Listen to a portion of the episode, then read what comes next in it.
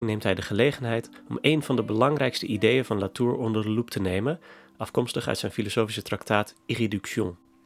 Veel luisterplezier. Dank jullie wel en goeie avond allemaal. Oké. Stelling 1.1.1. Niets is vanuit zichzelf reduceerbaar of onreduceerbaar tot iets anders. Stelling 1.1.2.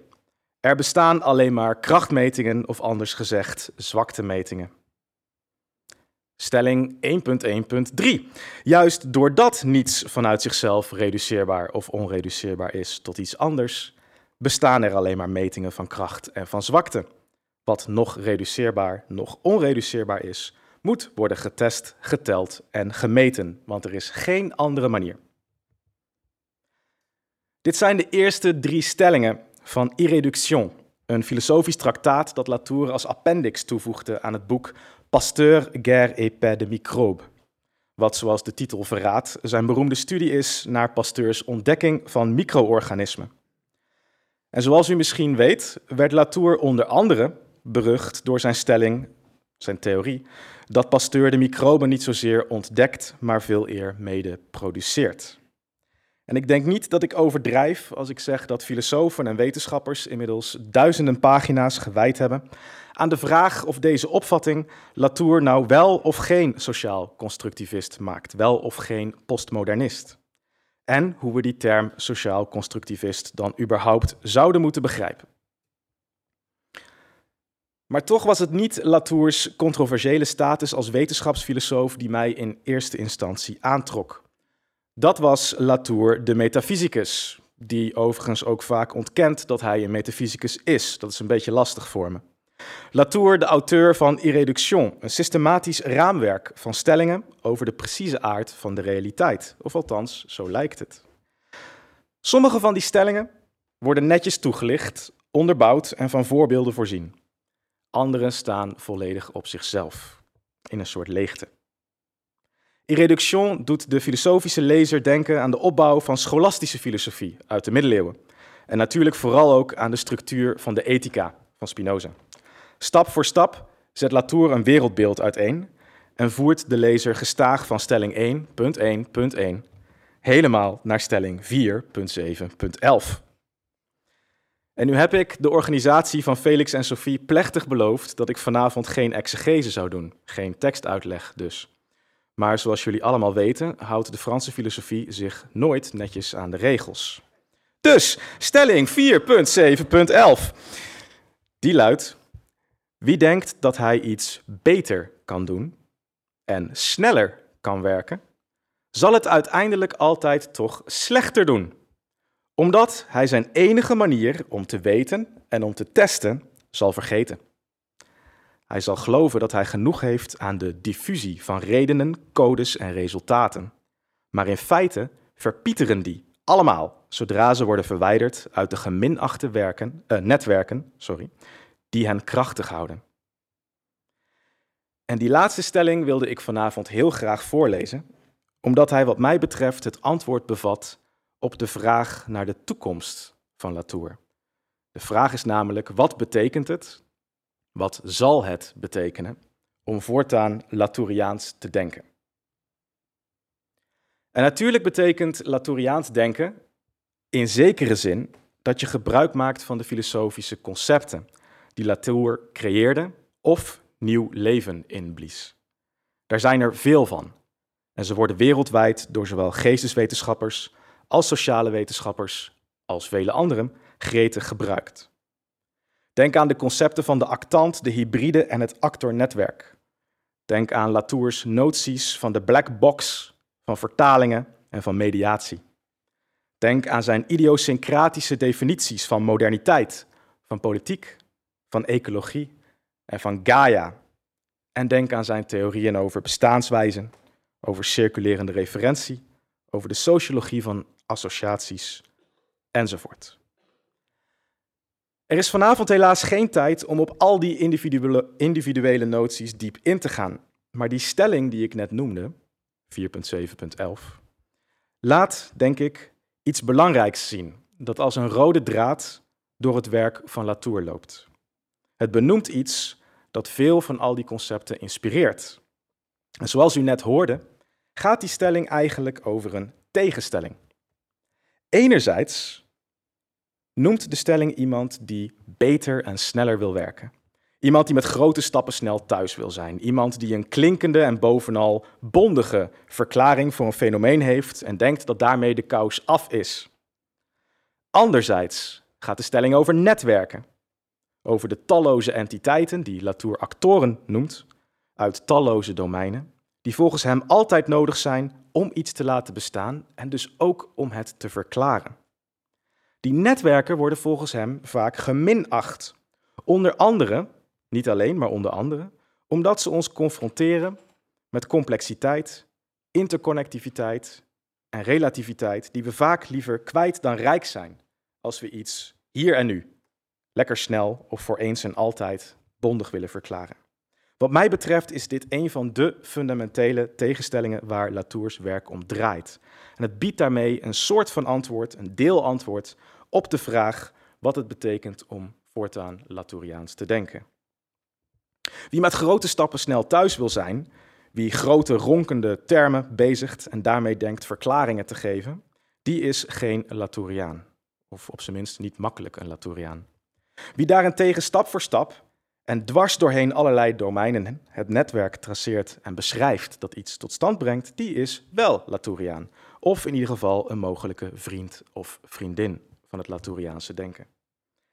Laat ik in meer concrete termen uitleggen wat ik bedoel. Wij denken vaak dat we iets verklaard hebben zodra we er een macroterm op kunnen plakken. Bijvoorbeeld, waarom zijn de excuses voor de slavernij niet jaren eerder aangeboden? Antwoord, omdat de politiek er toen niet toe bereid was. Vraag, waarom blijft de katholieke kerk afkeurend tegenover homoseksualiteit staan?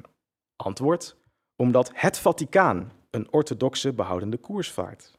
Vraag, Waarom mislukte enkele jaren terug het experiment met die Google Lens, de bril met de ingebouwde camera? Antwoord: omdat de maatschappij er niet op zat te wachten. Vraag. Waarom moeten we geloven dat vaccins geen autisme veroorzaken? Antwoord.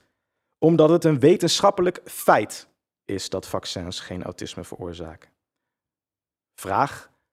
Waarom zijn de energieprijzen zo hoog? Antwoord. De markt dwingt aanbieders om hun tarieven te verhogen. In al deze voorbeelden wordt gedaan alsof het noemen van de juiste macroterm neerkomt op het geven van een correcte, afdoende verklaring. Macrotermen zijn dus woorden zoals de politiek, het Vaticaan, de maatschappij, de markt en zelfs een feit. Een Latouriaan vindt dat soort verklaringen verdacht en bovendien onacceptabel. Waarom? Omdat een macroterm het netwerk van daadwerkelijke oorzaken aan het zicht onttrekt. En een van Latours eerste studies laat goed zien hoe dat werkt. In de jaren 70 deed Latour onderzoek in Ivoorkust, een voormalige Franse kolonie. De casus waar hij aan werkte luidde als volgt. Ivoorkust heeft technische scholen die gemodelleerd zijn naar technische scholen in Frankrijk. Ze zijn vrijwel identiek qua curriculum. Studenten in Ivoorkust doen het op die scholen echter slechter dan studenten in Frankrijk. Onderzoeksvraag, waardoor komt dat? En de verklaringen die Latour in de bestaande literatuur en ter plekke in interviews aantreft, aantrof, maakte gebruik van macrotermen, racistische macrotermen bovendien. Het lag aan de Afrikaanse inborst. Het lag aan de volksaard van de Ivorianen. Het lag aan de geest van de Afrikaan. En ga zo maar door. Latour had weinig vertrouwen in zulke uitspraken en zijn onderzoek bracht, niet geheel verrassend, ook een totaal andere verklaring aan het licht. Wat bleek namelijk? Op die technische scholen kregen leerlingen eerst, in hun eerste jaar, lessen in technisch tekenen en modelleren. En pas veel later mochten ze daadwerkelijk met machines werken. Voor Franse leerlingen was dat meestal geen probleem, want die hadden namelijk tijdens hun jeugd vrijwel allemaal wel eens aan apparaten en motoren gesleuteld, een brommer uit elkaar gehaald enzovoort. Die waren dus al enigszins bekend met wat ze aan het begin van de technische school moesten tekenen. Leerlingen uit Ivoorkust kwamen echter vaak uit plattelandsgebieden, waar bijvoorbeeld niet met tractoren, maar juist met trekdieren gewerkt werd. In andere woorden, leerlingen uit Ivoorkust die op technische scholen terechtkwamen, waren niet opgegroeid in een gemechaniseerde omgeving op de manier dat Franse leerlingen dat waren. Maar ze moesten wel, net als Franse leerlingen, opeens aan het begin van die school technische tekeningen gaan maken van objecten waar ze nog helemaal niet bekend mee waren. Moraal van het verhaal. De slechte prestaties van de Ivoriaanse studenten lagen natuurlijk niet aan zoiets als de Afrikaanse inborst of de Ivoriaanse volksaard, die op de een of andere manier niet tot technisch denken in staat zou zijn. Ze lagen aan een specifieke manier waarop de studenten in Afrika opgroeiden in andere netwerken van, van objecten dan studenten in Frankrijk. In andere woorden, de onnauwkeurige, nietszeggende en in dit geval ook beledigende macroverklaring kon worden vervangen door een empirische en realistische beschrijving van een keten of netwerk van entiteiten waar studenten al dan niet mee verbonden waren. En die vervanging van een macroterm tot een meer uitgebreide netwerkbeschrijving is wat mij betreft een van de kernen van een Latouriaanse denkwijze. Of zoals Latour zelf schrijft in het boek Reassembling the Social. Ik citeer. Zodra iemand het heeft over het systeem, over de globale trend, over een structuur, een samenleving, een imperium, de wereldeconomie of zelfs een organisatie, dan is de eerste reflex van de actor-netwerktheorie, theorie waar Latour als een van de grondleggers voor geldt, om te vragen, maar in welk gebouw gebeurt het? In welk bureau? En door welke gang kun je daar komen? Welke collega's hebben het gelezen? En hoe is het precies waar in elkaar gezet? Ergo, het is dus nooit genoeg om te zeggen dat de politiek nog niet bereid was om iets te doen. Dat de markt bepaalde acties afdwingt. Dat de natuur naar de knoppen gaat. Voor de Latouriaan zijn dat soort woorden namelijk geen verklaringen, maar probleemstellingen. Open plekken die vragen om meer uitleg. Wie in het politieke systeem is niet bereid om iets te doen? Welke ministers, ambtenaren, belangenorganisaties en wetten zijn er in het spel? En hoe interacteren die? Wie en wat bepaalt hoe de markt voor bijvoorbeeld energie zich ontwikkelt? Welke bedrijven, welke wetten, welke directeuren en presidenten, welke materiaalkosten, welke landsgrenzen en ga zo maar door. En als we het over de natuur hebben, welke diersoorten, welke specifieke ecosystemen, weersystemen, planten en micro-organismen bedoelen we dan als ergens in de wereld de natuur bedreigd is? Zoals u begrijpt is Latour dus een filosoof, een antropoloog en een socioloog die ons aanmoedigt om te denken zoals een onderzoeksjournalist of een detective dat zou doen. Dat betekent denken als iemand zonder vooropgezette theorie, die van tevoren al bepaalt welke macro-verklaring er in het spel is. Het betekent denken als iemand die bereid is om zo nodig het hele netwerk te traceren. Van biologische, technologische, politieke, geologische en juridische entiteiten die een bepaalde situatie maken tot wat hij is. Precies daarom denk ik dat Latour zich nooit geschaard heeft achter de filosofische genres of scholen die de boventoon voerden in de Franse filosofie van de vorige eeuw, waaronder de fenomenologie, het marxisme en de psychoanalyse. De fenomenoloog weet, ongeacht de casus, van tevoren al wat de hoofdlijnen van haar verklaring worden, namelijk de intersubjectieve banden tussen mens en leefwereld. Ook de Marxist weet, ongeacht de casus, van tevoren al wat haar interpretatieve framework gaat zijn, namelijk economische verhoudingen tussen individuen die worden uitgebuit in een klassensysteem. En hetzelfde geldt voor de psychoanalyticus, die van tevoren al weet dat om het even welk probleem verklaard zal worden in termen van onderdrukte verlangens die zich indirect uiten in verwrongen symptomen. In tegenstelling tot veel andere filosofen weet Latour van tevoren juist nooit wat de correcte verklaring is voor wat dan ook.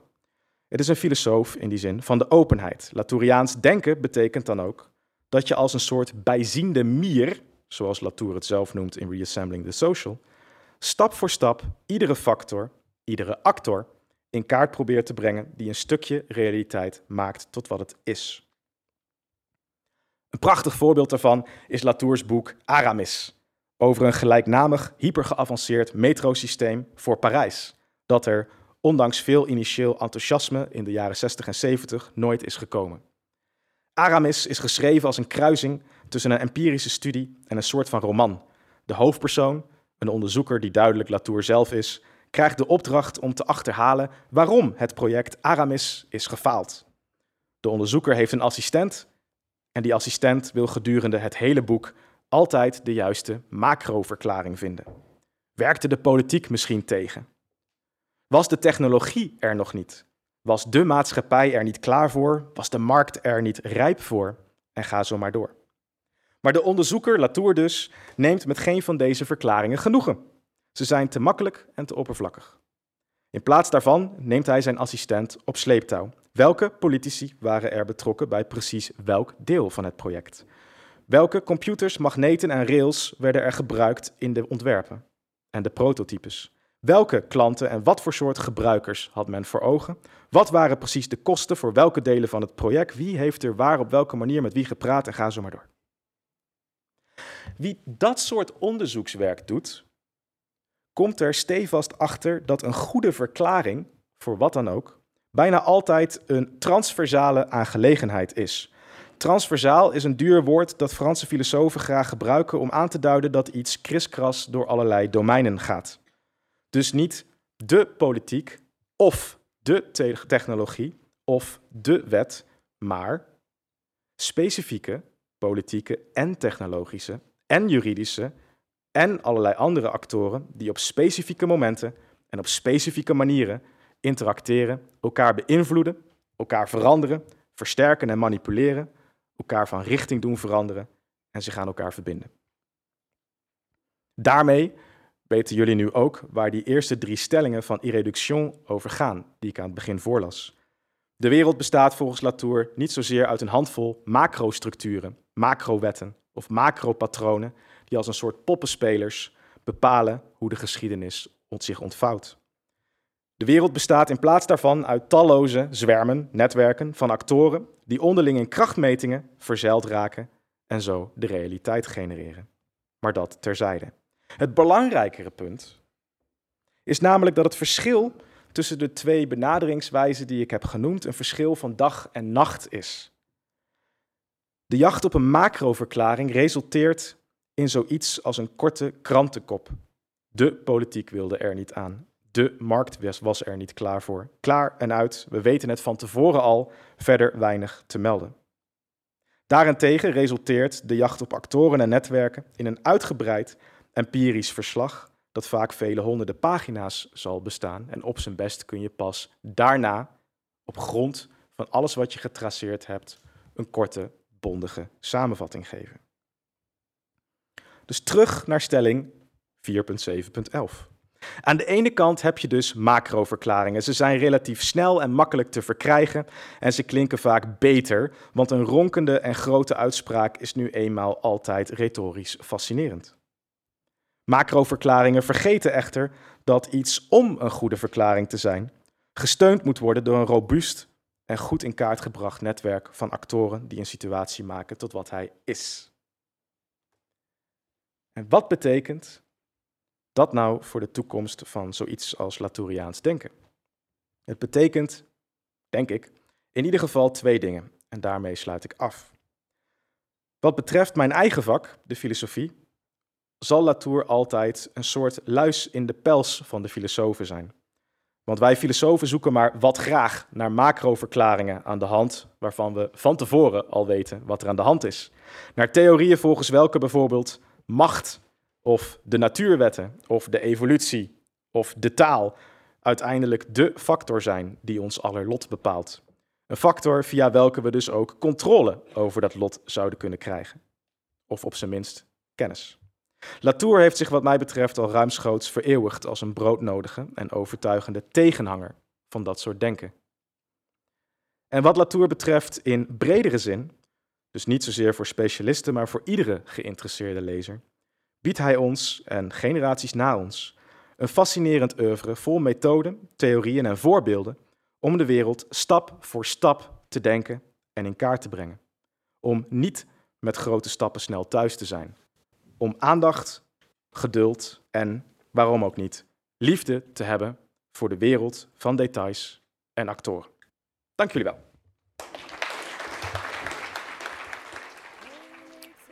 Bedankt voor het luisteren naar Arjen Kleinherenbrink. Deze lezing werd opgenomen in Theater Perdu aan de Kloveniersburgwal in Amsterdam. Iedere derde dinsdag van de maand is daar een programma van Felix en Sophie live te bezoeken. Leuk als we je daar een keer zien. De eerstvolgende editie op 21 februari is getiteld Egalitarisme, een recept voor rancune. Hierin nemen we de spanningen onder de loep die bestaan tussen een egalitaristisch ideaal en een samenleving waarin duidelijk geen absolute gelijkheid heerst. Waar komt dat egalitaristische ideaal eigenlijk vandaan? Deze avond zoeken we het uit. Misschien zien we je dan. Felix en Sophie. Felix en Sophie.